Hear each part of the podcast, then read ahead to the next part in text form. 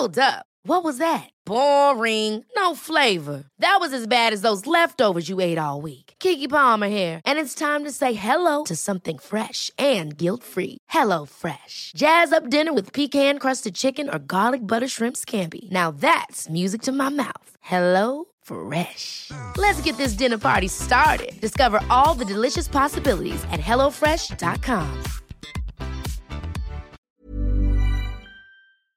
Hormoner är en naturlig och livsnödvändig del av kroppen. Ändå finns det en stor okunskap kring hormoner och vi märker att många inte känner till hur menscykeln eller olika preventivmetoder fungerar. Den här okunskapen kan skapa en rädsla för hormonbehandlingar eller hormonella preventivmetoder och också göra det svårt att veta om och när man ska söka vård för mensrelaterade besvär. Hormoner diskuteras ofta i media, men ibland saknas en vetenskaplig grund för informationen och osanningar och myter sprids och får fäste. Vi på Babys podcast tror att kunskap kring kroppen och dess funktioner bidrar till en stärkt självbild och ett ökat välmående hos kvinnor. Det är ju just därför vi gör den här podden. Kunskap är makt helt enkelt. Därför vill vi tipsa om en hemsida där du kan få den vetenskapligt grundade fakta du behöver och förtjänar. Hormonguiden.se är ett initiativ av Gedeon Richter och är en hemsida framtagen i syfte att öka kvinnors kunskap om hormoner. Som barnmorska och gynekolog gillar vi verkligen den tydliga informationen med bra bilder, strukturerad genomgång av menscykeln och preventivmedel. Gör dig själv en tjänst och skaffa dig mer kunskap om din kropp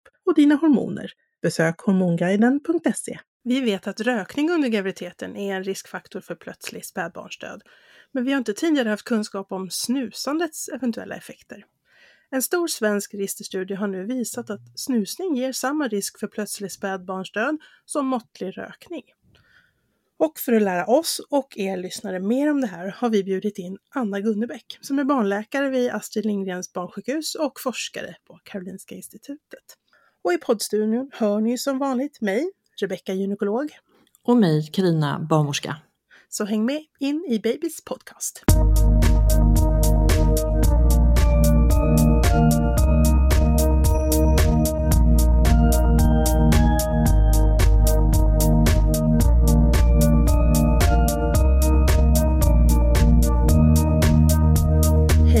Gunnebäck och välkommen till Babys podcast.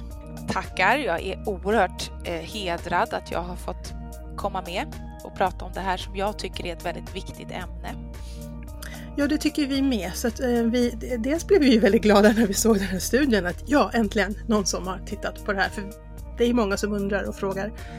Och så blev vi så glada att du tyckte att det var en bra idé att vara med i podden också. Eh, men Anna, jag har förstått det som att eh, du är ju eh, disputerad. Du har skrivit din avhandling om just nikotinexponering och vad det händer, liksom, hur det påverkar det nyfödda barnet. Japp, precis. Nikotinexponering under graviditeten mm. och effekter på det nyfödda barnet. Och framför allt då nikotinexponering i form av, eller bara ska jag säga, snusning och rökning. Mm. Mm. Precis. Um, och uh, den här senaste publikationen då, den, den, uh, den är väldigt färsk. Uh, februari i år, yep, 2023. Det stämmer. Ja, berätta lite grann om hur, hur den här studien är gjord. Det här är ju en registerstudie som då innefattar över två miljoner gravida kvinnor och då, mellan åren då från 1999 eh, till 2019. Och det är ju så att när eh, man blir gravid i Sverige då eh, brukar man i början av graviditeten, eh, det, vet, det här vet ni mer än mig än vad jag gör, mm. men eh, då blir man kallad till mödravården och det sker någonstans i vecka, kring vecka 10. Eh, och vid första besöket på mödravården så blir man tillfrågad om diverse olika saker men också om sina rök och snusvanor. Och man blir också tillfrågad om man rök, har, har rökt eller snusat tre månader före graviditeten men slutat vid det här dagens datum då, alltså när man är på mödravården. Ehm, och det är grunden för studien, att vi har eh, tagit del av den informationen från de här gravida kvinnorna. Så det är rökning eller snusning i tidig graviditet som vi har information om. Och vi har också information om om de har rökt eh, eller snusat eh, innan de blev gravida eh, men slutat i samband, alltså vi vet inte exakt när, men innan de kom till besöket på mödravården. Får jag flika in en liten fråga där? Jajamensan. För vi frågar även i vecka 32 det om rökning och snusning. Är det inte med i studien? Nej, vi har valt att inte ha med eh, vecka 32 trots mm. att vi naturligtvis tycker att det vore oerhört värdefullt. Eh, men det råkar vara så att det är lite slarvigare med att föra in information. Barnmorskorna är lite slarvigare i vecka 32 eh, på att föra in eh, datan. Så att den är inte lika säker. Eh, och, eh, så vi har liksom inte vågat använda den för att vi vill vara helt säkra på att, att det är eh, validerad information som vi eh, använder i vår studie. Mm. Ändå kan jag avslöja, som sitter i mödravården, att om man skriver en anteckning i journalen efter vecka mm. 32 så får man alltid frågan, du har inte fyllt i tobaksbruk efter vecka Nej. 32. Nej. Så man blir påmind. Man blir påmind, men det är också, jag ska säga, allt är faktiskt inte barnmorskornas fel, därför att jag gjorde för några år sedan en valideringsstudie. Jag ville ju veta när jag studerade snus under graviditet, kan jag lita på eh, den här informationen? Alltså, hitta kvinnor på? Eller kan vi mm. lita mm. på att de talar eh, sanning om de snusar eller inte? Så att jag eh, hade ett, ungefär 400 kvinnor som parallellt med att de skrevs in på mödravården eh, faktiskt eh, uppgav sina snusvanor under hela graviditeten samt alltså, med frågeformulär och även eh, vid förlossningen. Och där vi sen tog eh, en nedbrytningsprodukt av, av eh, nikotin i mammornas urin vid vecka 32 och vi tog även en eh, kontrollerade även det här i barnets första bajs och såg hur mycket eh, liksom nedbrytningsprodukt av kotenin, eller nikotin då, det heter kotenin, den här nedbrytningsprodukten, hur mycket av det som fanns i barnets bajs för att korrelera det till vad mamman hade uppgett. Och det, då var det så att när vi såg vi att de absolut inte ljög. De var otro... Nu visste ju de att de var med i studien, men de var väldigt... Det fanns en väldigt fin korrelation mellan uppmätta nivåer och mödrarnas uppgivna eh, doser. Mm. Däremot så såg vi att det måste ha blivit fel. Då visste vi, de var iförda, införda i medicinska födelseregistret som snusande mammor. Eh, från att vara med i studien eh, och jag tittade på deras journaldata till och med. Eh, och ändå när jag sen kopplade ihop det på registernivå så fanns det bortfall. Så att det är någonting med den här variabeln som inte går att lita på, som inte har att göra med eh, bara att barnmorskor slarvar. Och, och det här vet de om på Socialstyrelsen, så att de jobbar på det. Och de kanske har ändrat det nu, men vi vågade inte lita på den. Det är orsaken till att vi inte har med vecka 32. Mm. Men ja, det var en parentes. Du skulle fortsätta med studien. Det var en parentes. En, en lång parentes. En lång parentes. Men då fick man veta hur att i alla fall eh, eh, man kan säga att medicinska födelseregistrets eh, självrapporterade snus och rökanvändning, den har blivit validerad dels av mig vad gäller snus men även validerad vad gäller rökning tidigare. Och det kan ju vara viktigt att veta eh, när man berättar om den här studien. Eh, nej men så vad vi då har gjort är att vi har kopplat den här registerstudien med att man kan säga 98-99 procent av alla gravida kvinnor är ju med i medicinska födelseregistret därför att de går till mödravården. Ehm, och sen har man kopplat ihop eh, det här stora registret med dödsorsaksregistret som också är ett eh, register som finns på Socialstyrelsen. Och all data är ju helt eh, oidentifierbar. Det går inte att eh, leta upp en individ och förstå vad har hänt här, utan man tittar. Det här är ju eh, aggregerad data, data där jag kan följa. Man kan följa ett löpnummer och se vad som har hänt, men det går inte att identifiera vem det här löpnumret som är bakom det här eh, löpnumret. Så man behöver inte vara rädd för att det går att på något sätt förstå vilka individer som har drabbats av någonting. Och så är det med alla typer av registerstudier. Mm. Eh, och sen så har vi, eh, vad vi då har gjort sen är att vi har eh, tittat på samband. Eh, man kan, eh, vi har tittat på sambandet mellan att dö eh, efter de första 28 dagarna, liksom senare del av ny, nyföddhetsperioden. Så första, dö första levnadsåret, men inte de första 28 dagarna har vi tittat på eh, och sambandet mellan att röka och snusa. Och sen har vi specifikt tittat på eh, risken för då, eh, den här eh, diagnosen plötslig spädbarnsdöd. Eh, och plötslig spädbarnsdöd, det är ju att man död hos barn som är yngre än ett år eh, där man inte hittar någon annan orsak. Eh, vi har också tittat på någonting som och, och plötsligt spädbarnsdöd på engelska brukar kallas för SIDS, alltså sudden infant death syndrome. Eh, och internationellt har man också börjat, kalla, börjat prata om någonting som, någonting som heter SUID, alltså sudden unexpected infant death syndrome. Eh, och SUID, eh, där tittar man också på Eh, där man kanske vet att eh, barnet dog plötsligt under sömn men man har kunnat fastställa att det måste ha varit någon eh, kudde som har hamnat över huvudet eller, eller någonting sånt som oavsiktligt, alltså Oavsiktlig död, en olyckshändelse. Eh, och vi har även tittat på de diagnoserna så att vi har delat upp det i barn som dör första levnadsåret oavsett orsak, barn som dör i plötslig spädbarnsdöd och så barn som dör under sömn bo, bo, antingen i plötslig spädbarnsdöd eller där man har kunnat hitta en yttre faktor av att eh, de eventuellt har, har fått något täcke över huvudet eller någonting sånt. Anna, du är ju helt självgående. Vi behöver inte ställa en enda fråga till dig. Carina, Carina och jag går och fikar. Ja. Jag hoppas jag inte pratar för länge bara. Nej, nej, nej. nej men det är jätteviktig och bra information Anna. Du har ju, alltså i den här studien som ju är stor, det är två miljoner barn. Ja. eller gravida som är ja. inkluderat. Men, men det vi ska ändå säga det är ju att du pratar om SIDS, plötslig spädbarnsdöd och det är ju totalt få barn som, som tur är, som drabbas extremt få barn. Eh, och det är varför det har tagit mig över tio år att göra den här studien. Så det är jag väldigt tacksam över att det är precis som ni säger att den absoluta risken att ett, ett ens barn ska drabbas av plötslig spädbarnsdöd är mycket, mycket liten även om man har rökt eller snusat under graviditeten. I Sverige så är det de, alltså, i min studie så var det två barn per 10 000 det är alltså mindre än, än en promille. Och eh, i, i, de senaste åren så har det varit eh, ett barn per 10 000. Det är färre än 15 fall per år i hela Sverige.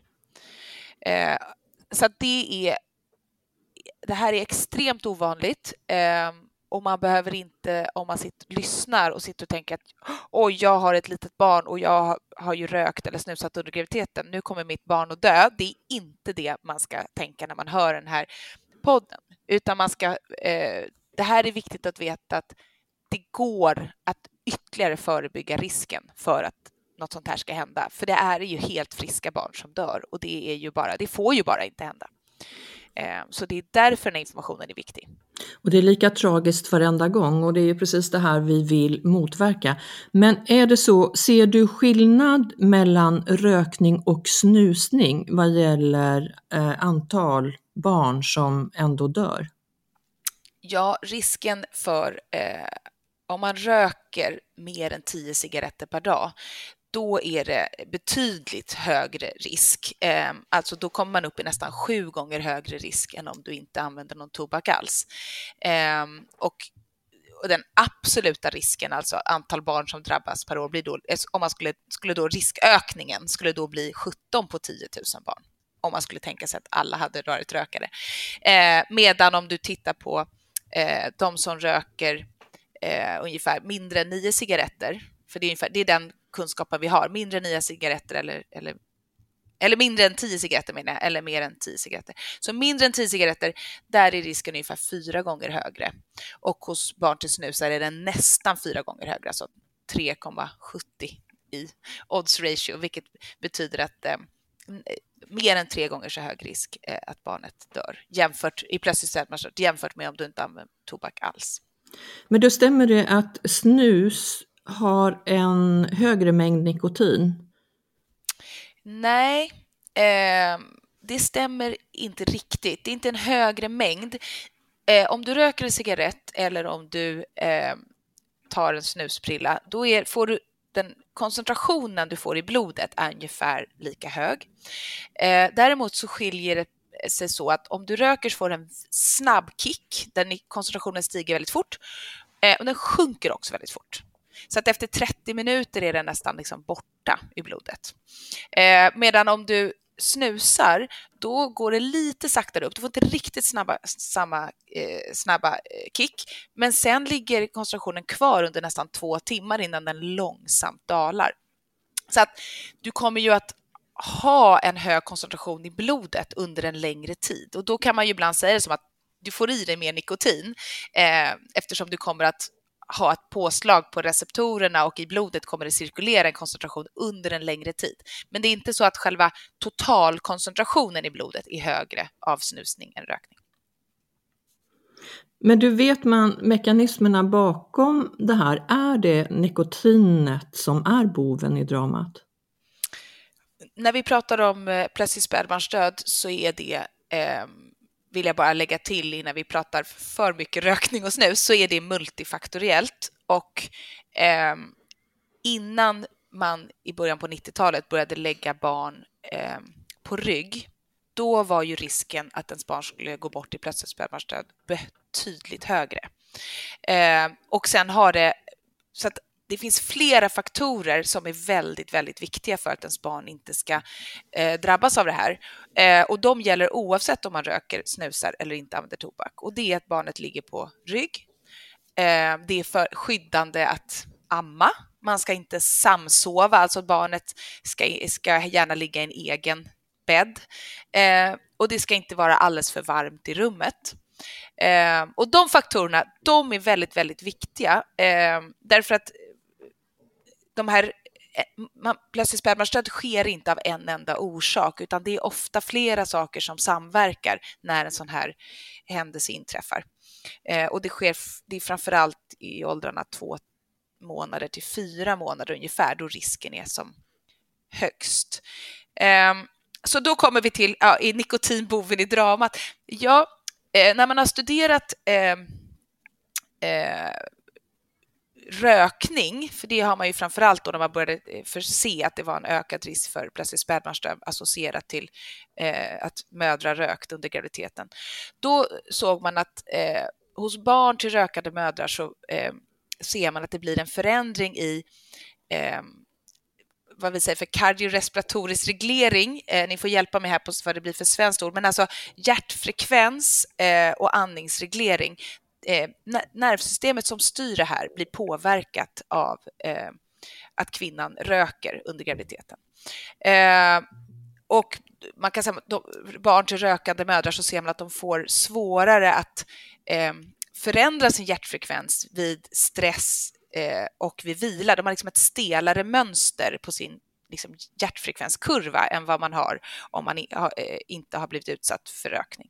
Och då har man sedan gjort djurstudier och då har man gett eh, de här eh, djuren nikotin. Det är väldigt svårt nämligen att lära möss till exempel att röka, mm. utan de har inte gillat det. Så, så därför så har man gett dem nikotin under graviditeten i motsvarande doser som, som rökning. Och då har man sett att hos de här musbarnen som utsatts för nikotin under graviditeten så har man sett liknande eh, sån här störd hjärtfrekvensvariabilitet.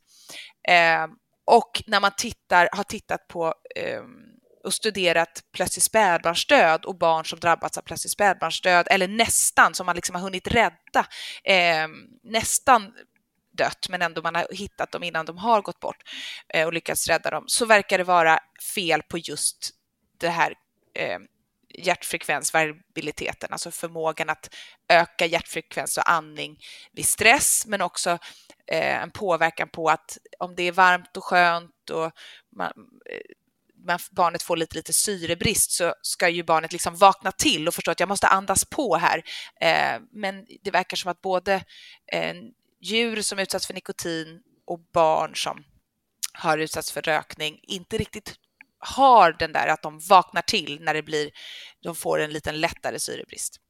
Eh, så av det, de här liksom sammantaget då att man så ser man okej, okay, det verkar vara så att vi ser liknande mekanismer bakom plötslig spädbarnsdöd.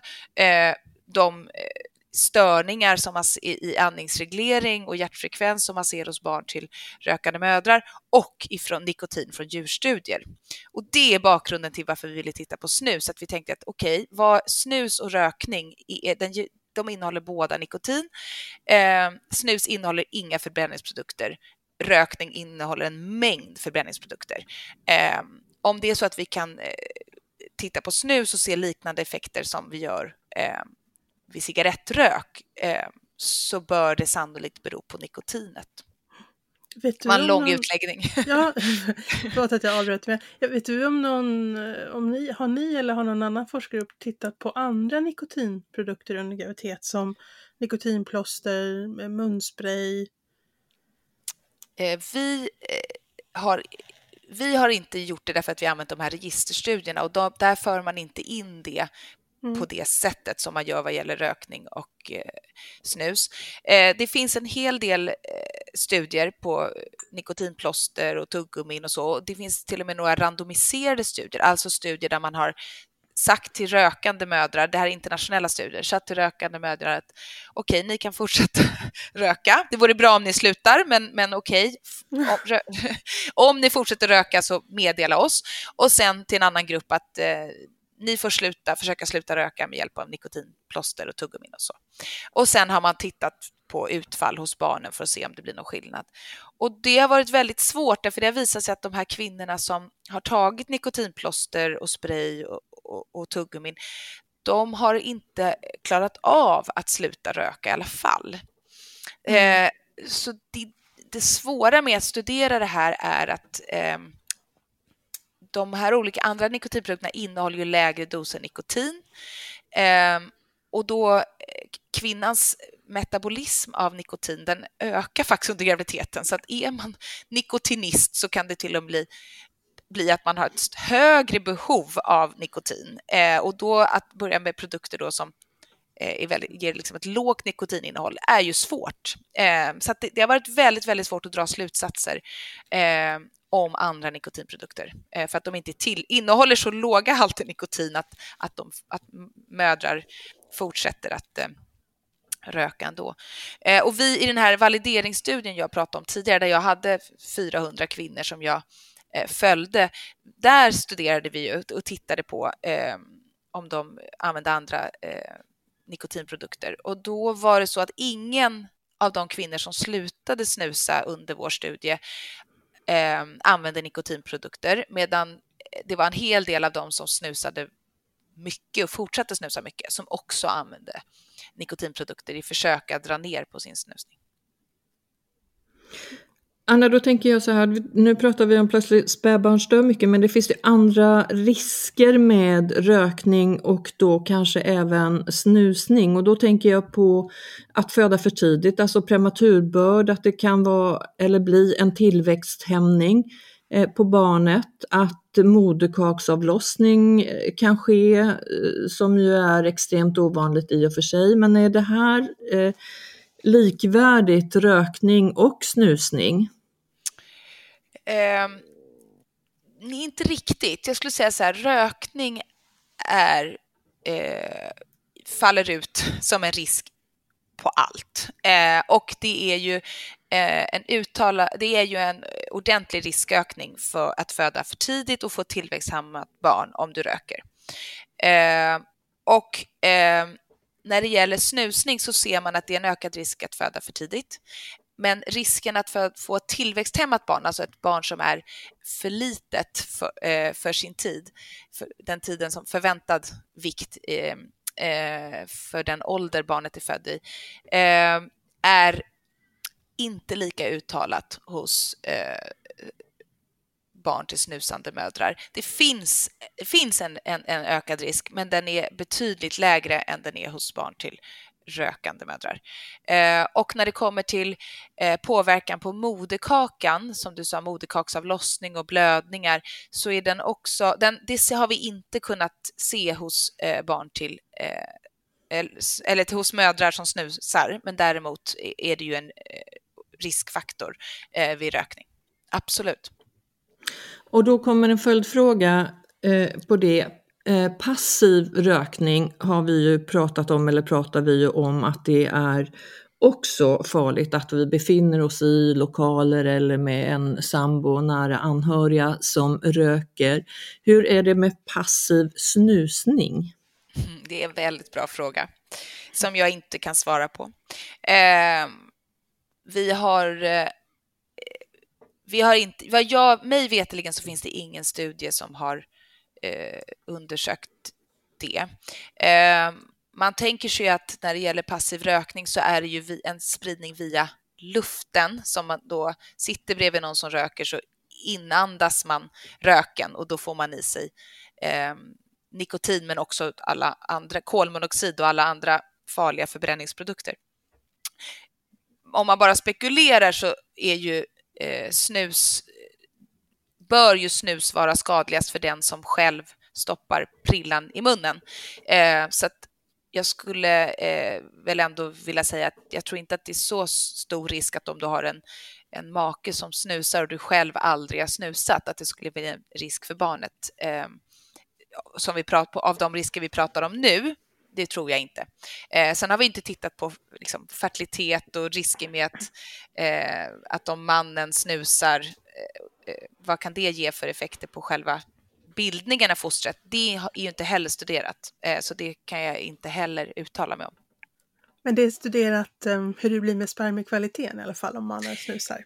Ja, och framförallt där ser man ju både på rökning och snusning att det inte, inte är så bra. Inte så, så lyckat. Nej. Nej.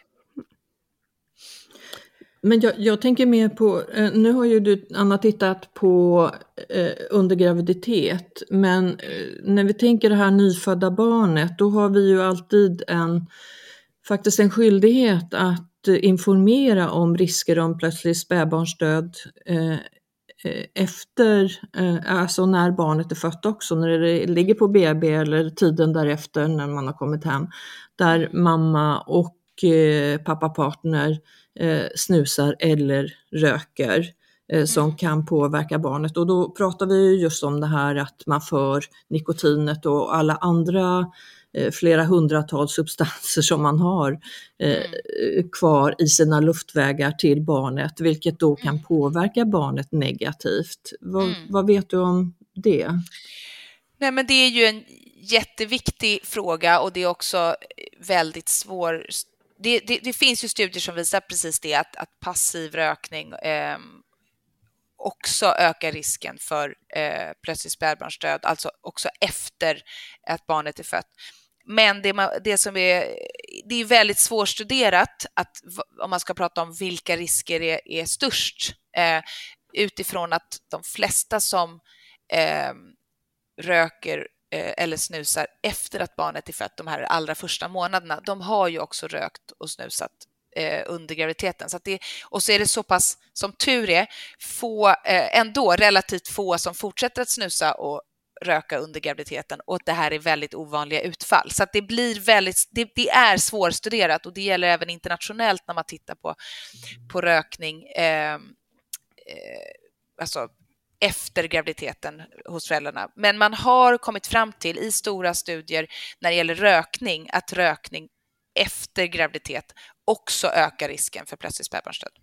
Alltså även om man inte rökte under graviditeten. Ja, så det här är ju inte hälsosamt på något enda sätt. Så att, eh, och, och eh, en av våra eh, mer kända obstetriker sa att den här studien bekräftar att snusning, precis som rökning, inte är hälsosamt under eller efter graviditet. Och få för Life is full of awesome what ifs and some not so much, like unexpected medical costs. That's why United Healthcare provides Health Protector Guard fixed indemnity insurance plans to supplement your primary plan and help manage out of pocket costs. Learn more at uh1.com. Many of us have those stubborn pounds that seem impossible to lose, no matter how good we eat or how hard we work out. My solution is PlushCare. PlushCare is a leading telehealth provider with doctors who are there for you day and night to partner with you in your weight loss journey. They can prescribe FDA-approved weight loss medications like Wagovi and Zepbound for those who qualify. Plus, they accept most insurance plans. To get started, visit plushcare.com slash weight loss. That's plushcare.com slash weight loss. föräldrar skulle få för sig att ge, ge sitt barn en snus eller cigg förrän Ja. de åtminstone har fyllt 18 år. Ja. Troligtvis inte ens då. Nej, precis så. Precis så. eh, precis så är det. Samtidigt vill jag bara, det, det kanske ni kommer fråga om, men jag tänker att det här med amning är viktigt också om man lyssnar och tänker så här, ja, oj då, apropå det, nu ska jag sluta amma för jag kan inte sluta röka eller jag kan inte sluta snusa. Eh, och där har man ju ändå sammantaget eh, kommit fram till att man ändå tänker att amning skyddar. Så att man vill inte att kvinnor som röker och snusar ska sluta amma. Mm. Man vill att de ska sluta röka och snusa. Ja, Och, absolut. men då, är, då är, tänker jag så här, vad, vad skulle vara värst eh, eller bäst? Eh, att amma men fortsätta röka och snusa? Eh, eller att sluta amma? Alltså kan man värdera liksom, hur pass mycket skyddar amning mot eh, plötslig spädbarnsdöd? Och hur Det mycket är- den effekten tas Ja. bort av att man röker eller snusar? Nej, det, är jätte, det är en jättebra fråga och jag tror ingen eh, hundraprocentigt kan svara på den. Därför så har ju Barnläkarföreningen och de som Hugo Lagerkrans och de som liksom jobbat med det här i många år beslutat sig för att man ändå tänker att det är skydd, att amningen skyddas så pass mycket att man ändå uppmuntrar till det snarare än att uppmuntra kvinnor att eh, slut, ge upp sin eh, amning. Och jag vet att eh, Felicia Nordenstam, en kollega till mig som hon vi, vi en forskarkollega, hon är barnkardiolog och hon studerade ju de här barnen som jag tittade på också, där vi, där, som, som, som var inkluderade liksom under, eh, och så, som vi följde då under, när de snusade och vi tog reda på exakt hur mycket de snusade och så. Och hon tittade på de barnen efteråt och eh, såg att de hade en sån här eh, förändrad hjärtfrekvensvariabilitet som jag pratade om tidigare, som är en eh, vi tror kan vara en bakomliggande orsak till varför man kan drabbas av plötslig spädbarnsdöd. Och eh, då vet jag att då träffade hon ju många av de här kvinnorna och man diskuterade hur gjorde de med amning och sådär. Och, och då kan man ju tänka sig att ja, nikotin passerar ju över i bröstmjölk, eh, men det försvinner ur bröstet efter ungefär någon 90 minuter eller något sånt där. Så man kan ju också tänka sig att man tajmar, försöker att tänka på att Mm. inte stoppa in en prilla precis när man ska amma, utan att man gör det, man ammar först och sen tar man sitt snus då, om man inte kan sluta, eller sin cigarett. Ehm, eh, och sen ska man också veta att nikotinet tas ju då upp och sväljs ner i barnets eh, mage och det är inte riktigt samma sak som att barnet själv tar en prilla snus eller, eller röker, för då får de ju upp det via slemhinnan och det är ett betydligt bättre upptag än den sura magsaften. Eh, så att, inte så att jag vill uppmuntra till att röka och snusa och amma, men däremot så tänker jag att, att om man är i en situation där man gör allt för att försöka sluta, men ibland så lyckas man inte, då kan man åtminstone försöka tänka att, att man eh, ammar när det har gått så lång tid som möjligt sedan man senast rökte eller snusade. Och det, det är ju lite så man får tänka med vissa läkemedel som mamma faktiskt behöver stå på. Att Mm. man då får tajma sitt läkemedelsintag Mm. efter Mm. eh, amningstillfällena. Ja, Det går att Precis. göra med lite, med lite planering. det, går- det går att göra. Mm. Eh, så. Sen så som sagt så tänker man ju att man hoppas att om det finns någon gång i livet då man är som mest motiverad att sluta med en dålig vana så är det väl när man är gravid eller när man har fått ett nyfött barn. Så jag tänker att man har ett väldigt, man har ett fönster också som obstetriker, barnmorska och barnläkare att prata om det här. Ehm, för att eh, jag upplever i alla fall, vet inte vad ni upplever, men jag upplever att många kvinnor är väldigt intresserade, vill veta mer och är väldigt motiverade att sluta, även om det är svårt eh, under den här perioden. Ja, men det var ett jättebra tips Anna, det här för att det, eh, oavsett om vi klarar av det som, som vi då informerar mycket om att du ska sluta röka och snusa, hälsorisker finns det, så är det i alla fall att man kan minimera risken med, som du säger, amma först, ta en prilla eller ta en cigg om du absolut inte kan direkt efter, eh, för att det ska gå så lång tid som möjligt tills nästa Ja. amningstillfälle. Och sen tänker jag, en annan viktig sak är ju att tänka på de här, som jag pratade om, de andra, de skyddande faktorerna vad gäller plötslig spädbarnsdöd. De är ju så oerhört viktiga, för de, de har ju vänt hela trenden i Sverige och resten av världen. Så att, att liksom komma ihåg att barnet ska ligga på rygg. Eh, man ska inte ha för varmt i rummet. Det ska inte ligga fullt med täcken och kuddar nära barnets huvud. Man ska försöka att inte samsova. Barnet ska gärna ligga i en egen säng. Får gärna använda napp. Då har man gjort mycket annat eh, som skyddar och eftersom det här är det är inte orsaker vi studerar när vi tittar på sådana saker, utan det är samband. Och vi vet att plötslig spädbarnsdöd inte beror på en orsak, utan det är liksom ett känsligt barn eller alltså vulnerabelt barn och det kan, det kan man då vara för tidigt födsel, eller att man varit utsatt för rökning eller snus under graviditeten och som sen utsätts för något mer, något mer händer. Så därför tänker jag att det är väldigt viktigt att man tänker på alla de här andra faktorerna som skyddar.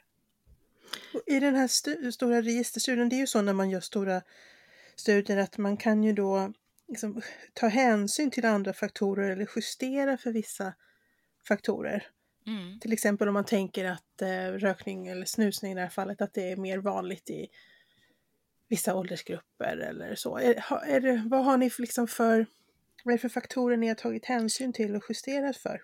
Eh, det är också en jättebra fråga. Vi skulle önskat att vi kunde justerat för ännu mer, för det finns ju alltid saker man inte vet i en registerstudie. Men det vi har tittat på och justerat för det är till exempel just mammans ålder. Vi vet att tonårsmödrar till exempel, där finns det en ökad risk för plötslig spädbarnsdöd. Så vi har justerat för ålder, vi har justerat för mammans utbildningsnivå eh, eftersom vi också ser en koppling mellan lägre utbildningsnivå och ökade risker, både för att använda eh, tobak under graviditet men också för plötslig spädbarnsdöd. Eh, och sen har vi justerat för ehm, eh, om man lever med barnets, alltså om man under graviditeten eh, lever tillsammans med eh, par, sin partner, alltså ehm, och eh, vi har även justerat för eh, hur många barn man har, om man har liksom haft barn tidigare eller, eller om det här är första barnet. Um, och det är vad vi kallar, mycket av de här faktorerna vad vi kallar för socioekonomiska faktorer, där vi ser att eh, kvinnor som eh, röker mer än tio cigaretter under graviditeten, där de, det finns en det är fler av dem som tonårsmödrar har fler än fyra barn, eh, har lägre utbildningsnivå och inte har någon partner. Så det är liksom flera saker som samverkar och man kan se att, att det, de, det finns en överrisk i den gruppen. Och då tänker ju inte vi att, att inte ha en partner, det, det kommer öka risken för plötslig spädbarnsdöd egentligen, utan vi, vad vi tänker då är att vi justerar för faktorer som vi inte kan eh, fråga om eller veta om eh, tänker kanske att man inte följer de här rekommendationerna som jag pratade om med att barnet ligger på rygg. För det, det har vi ju inte kunnat kontrollera för. Har alla de här barnen legat på rygg eller inte? Eh, och, och, alkohol och droger och, och sådana saker är inte heller, kan vi inte heller, har vi inte uppgift om i de här registren. Nej, ingen ska komma och säga att det är lätt att göra registerstudier. Nej, det finns mycket Nej. svagheter och det ska man också vara medveten om att, att det är inga orsaker, det är samband och det finns mycket svagheter med registerstudier. Det är inte, eh, de är inte perfekta på alla sätt, men, men de, eh, de är bra för att titta på, sto, för samband och titta på befolkningsnivå på mm, saker. Precis. Men eh, jag tänker den här studien, det är ju rätt många år det spänner över då från 99 till 2019. Mm. Eh, kikade ni någonting på om nikotinbruket hos gravida, om det har ändrats under den perioden? Ja, alltså rökning har ju, det är ju fantastiskt vad vi i Sverige har lyckats med liksom, prevention mot rökning under graviditet. Eh, så att eh, det var ju, tror jag, 12-13 procent som rökte eh, där 1999, 2000, början på 2000. Och idag är det ju, vi är under 5 procent. Jag tror vi ligger nere på 3 procent nu här 2022, 2023. 2019 så, så var det under 5 procent. Eh, så att vi har ju gjort ett fantastiskt arbete, tänker jag, eh, med att informera gravida kvinnor om risker med rökning och vi har sett att jag, jag, jag tror vi måste vara lägst i världen eh, det, det, vad det gäller röksiffror under graviditet. Eh, om man sen tittar på snus så har det faktiskt varit ganska stabilt. Alltså det har legat på 1 till 2 procent. Jag tror 2019 om det var 1,8 procent, eller nej, inte ja, någonstans där, 2019-2020 så har det varit 1,8 eh, procent. Så att det har ökat lite grann, men inte så mycket som snusningen har ökat i samhället under samma tid. Och det är ju väldigt positivt. Jag läste någonstans, men då stämmer inte det, att antal snusande kvinnor har ökat kraftigt eh, under de senaste två decennierna. Jo, snusande kvinnor har ökat enormt, men inte snusande gravida kvinnor. Och, eh, och då tror ja. man att de slutar innan eller ja, precis alltså det är i det här, graviditet? Det är det här som oroar mig lite, därför att eh, ökningen har skett de senaste åren, så det kan vi egentligen nästan inte svara på, därför att eh, alltså, jag tror att 2000 så att jag inte säger fel här i, i podden, men jag tror att det var ungefär 3 procent av kvinnor 2018 som snusade eh, dagligen i åldrarna 16 till 29 år. Och nu eh, 2022 var det 12 procent som snusade dagligen i samma ålder, 16 till 29 år. Eh, och de siffrorna har vi inte fått, de har ju, alltså på gravida, vi har inte fått det underlaget än. Så att jag tänker att om man har 3 som snusar dagligen eh, kvinnor, då är det inte i åldern i liksom 16 till 29 år man tänker sig att de sen ska bli gravida. Då är det ju inte så konstigt om vi ligger på siffror på 1 under graviditet. Men om vi plötsligt kommer upp i siffror på 12 av daglig snusanvändning hos unga kvinnor, då tror jag inte vi kommer ligga kvar på siffror under 2 procent som snusanvändning under graviditet. Det tror jag inte. Så lätt, det, så lätt är det inte att sluta, tyvärr. Nej, utan snarare då att man ser en ökning och det ökar ju risken ytterligare för det vi pratar om just här och det är plötslig spädbarnsdöd. Mm. Tyvärr. Men du, finns det, för det är ju ändå så att det är många kvinnor då som, som tror att eh, Eh, jag vill bli gravid eller nu under graviditeten så slutar jag röka och går över till snus för det är ju ändå eh, bättre. Mm jag skulle säga att det är utom under graviditet så är det bättre att snusa än att röka. Så är det. det är faktiskt bättre att snusa än att röka om man pratar om icke-gravida.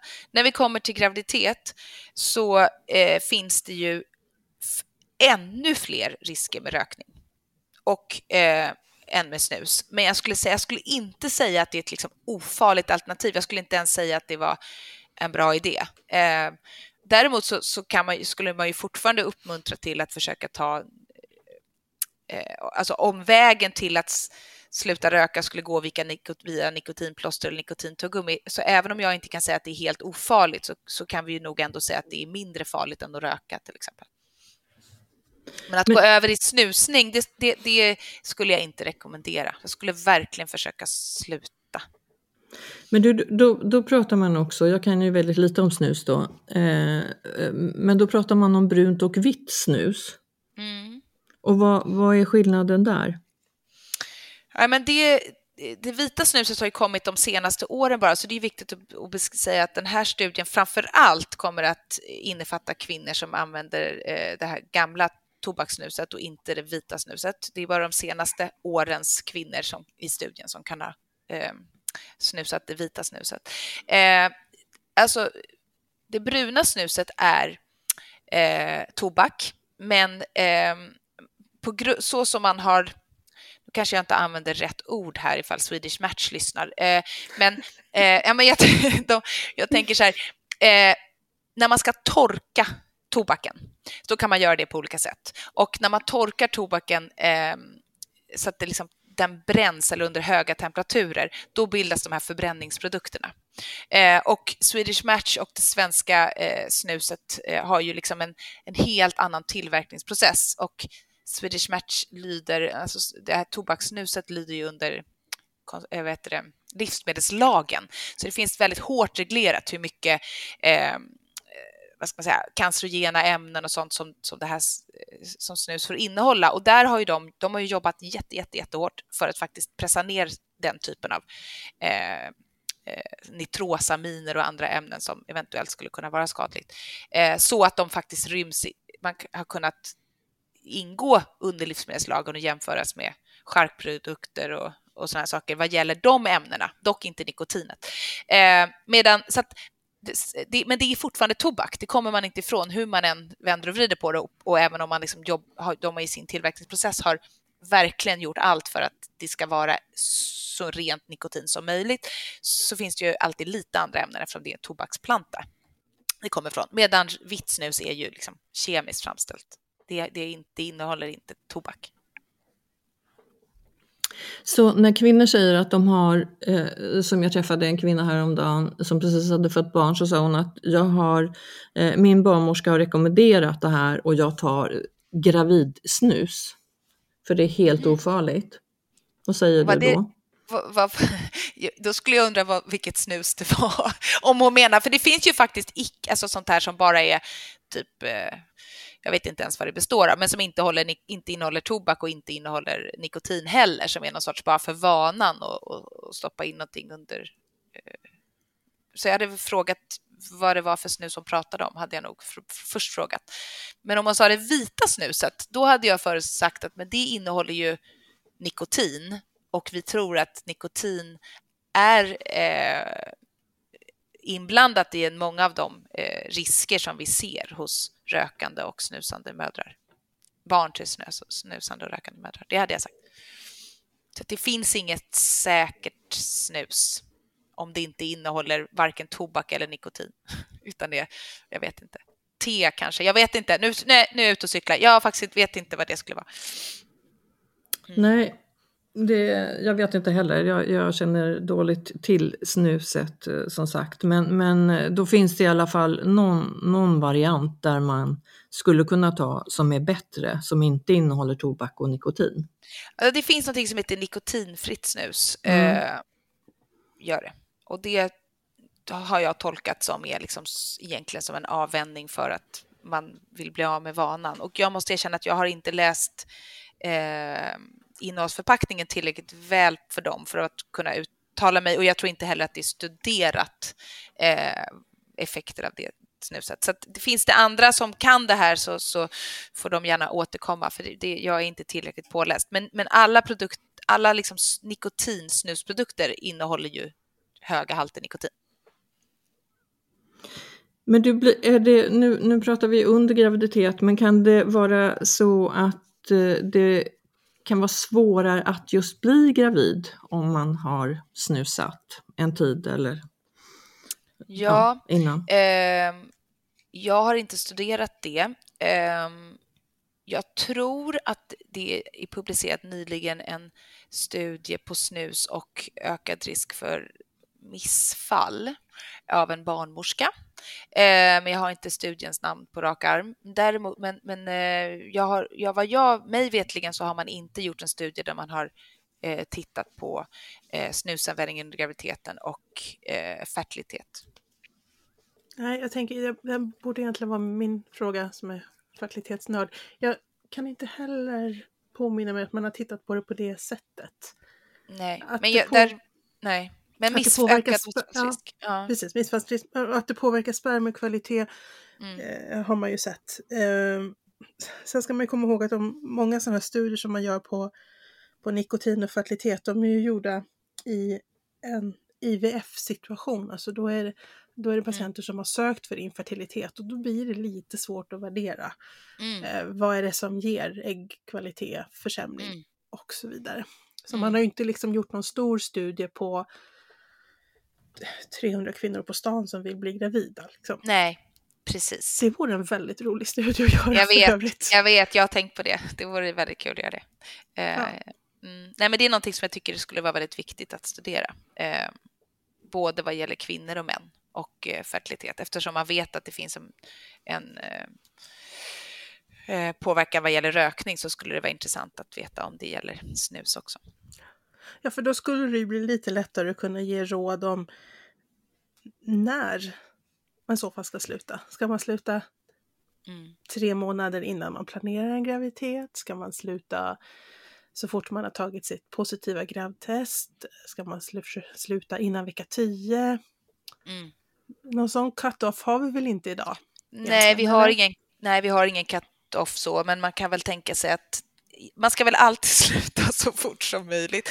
Men eh, så skulle jag säga, man ska väl eh, jag tänker att det aldrig kan vara bra att säga så här, men jag kan hålla... Jag tänker att det är som med alkohol. Vi vet, vi vet att det är skadligt att dricka alkohol under graviditeten, men vi vet ju inte exakt mängden. Eh, och man måste nog tänka likadant vad gäller snus och rökning. Att eh, det gäller att liksom sluta eller minimera mängden. Eh, men exakt eh, vilken tid under graviditeten som det är mest skadligt eh, eller vilken dos vet man ju inte. Och det beror nog också vad man tittar på för, för risker, tänker jag. Alltså mm. beror, jag har gjort en studie som visar att snus ökade risken för läppkäk, gomspaltsmissbildningar till exempel. och det gör rökning också. Och det är ju då väldigt tidigt, som om man tänker pratar om missbildningar, liksom, då, då, sker ju de väldigt tidigt under graviditeten. Så där måste man ju i princip ha slutat innan man blir gravid. Medan vi tittar på andra risker som för tidig födsel och, och tillväxthämning så kanske det ser annorlunda ut. Men i princip har vi visat att de som har slutat innan de kommer till mödravården, eh, men som har snusat eller rökt tidigare, alla de har ju lägre risker eller inga risker oavsett vilket utfall vi har tittat på. Och med tanke på det du sa om nikotin och omsättning hos gravida så låter det också som att det kanske skulle vara lättare att sluta innan man ens blir gravid. Ja, ja kanske. Jag tänker att, att om man planerar en graviditet så eh, ändrar man nog mycket. Alltså då har man ett en annan inställning till saker och ting för att man planerar den och man har tid att fundera på hur man vill leva sitt liv. Så ser det ju inte ut för alla. Man, man har ju massa oplanerade graviditeter också och då tänker jag att det är också viktigt att, att säga att det är också okej okay, och att eh, då slutar man så fort man förstår att man är gravid och då behöver man inte gå runt och vara rädd hela graviditeten sen att oj, jag missade några veckor. Alltså, det är ändå viktigt att man ska inte skrämma upp folk heller, utan jag tänker att det det är fantastiskt om man lyckas sluta när man än slutar under graviditeten, tänker jag. Och jag tror till och med att det är så att Socialstyrelsen tidigare har eh, gått ut med information att försöka sluta ja, men alltså tre månader innan åtminstone för att vara på den säkra sidan. Och det här är ju för att dels då eh, inte få svårt att bli gravid eller ha svårt med mm. fertiliteten och eh, minska de här riskerna som vi har varit eh, inne på. Mm. Precis. Det, finns, eh, det är svårt för många och det förstår vi ju både med mm, att eh, avstå rökning och snusning men det finns ju många hälsovinster både för dig själv som, som kvinna men även för ditt barn. Mm. Men Anna, är det någonting som vi inte har frågat dig om som vi borde ställa eh, frågor om? Jag tycker vi har pratat om väldigt mycket. eh, så det är möjligt. Eh, inte någonting som jag tänker på just nu som, som vi borde ha pratat om. Tycker vi har tagit upp många saker. Jag tänker bara att man vill återigen bara poängtera att plötslig spermastöd är extremt ovanligt och eh, att man ska följa de här allmänna rekommendationerna eh, och att det är jätte, jätteviktigt. Eh, och sen att, att om man att göra allt man kan för att sluta snusa och röka under graviditet eller efter graviditet. Rebecka, sitter du och klurar på någon Smart fråga. Nej, jag har slut på smarta frågor idag. Nej, mm. jag, har, jag har bockat av. Jag hade en lång lista, men jag har bockat av dem. Som du mm. sa i början, Karina, Anna är ju väldigt självgående. Verkligen. jag har suttit så här, ja, där kom det svaret och där kom det svaret. Exakt, exakt. Eh, ja, man, man hör på dig, Anna, att du inte är helt ovan vid att eh, eh, föreläsa och undervisa och berätta.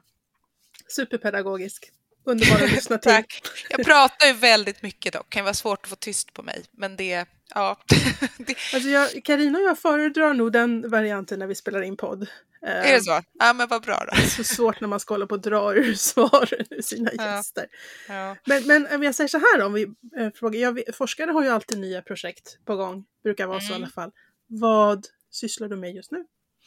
Ja, men dels så, så, skulle jag vilja titta på det här som vi pratade om tidigare med, med eh, alltså fertilitet och snus. Eh, och sen eh, och liksom den första tiden av, av graviditeten.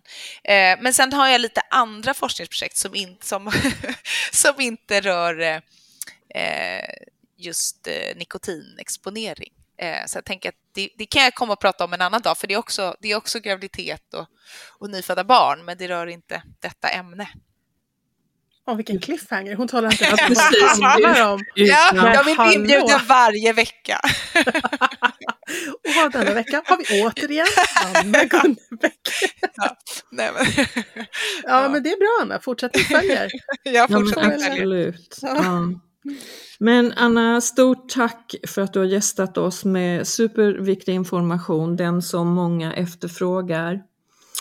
Eh, och då hörs vi ju igen då, då får vi se vad, vad det blir. nej, men, nej, men tack så hemskt mycket för att jag fick komma och som ni eh, hör så brinner jag för det här. Jag tycker att det är så viktigt att kvinnor har ett val. För, för att, att inte veta om, eh, om någonting skulle hända och sen så vet man inte om att man hade kunnat eh, ytterligare eh, förebygga att något sånt här händer det är det viktigaste för mig, att man ska vara informerad som kvinna om de risker. Sen, sen gör man de val man gör, men man ska veta om vad det finns för risker. Ja, det. Absolut. Nej, men Jag håller med. Det åläggs oss att ge den informationen, den mm. viktiga informationen. Så stort tack, men då är du snart tillbaka så då får vi se vad det var för cliffhanger. Det blir, det blir spännande. Ja. Eh, och tack du tack. där ute för att eh, du har lyssnat på ett, eh, ännu ett Babys podcast med mig Karina och Rebecka. Och vi är snart tillbaks och fram tills dess så kan du ju lyssna på andra avsnitt. Väldigt många sådana finns ju redan och du kan dessutom följa oss på Instagram, at babyspodcast. Men vi hörs snart igen. Ha det gott där ute. Tack och hej för idag.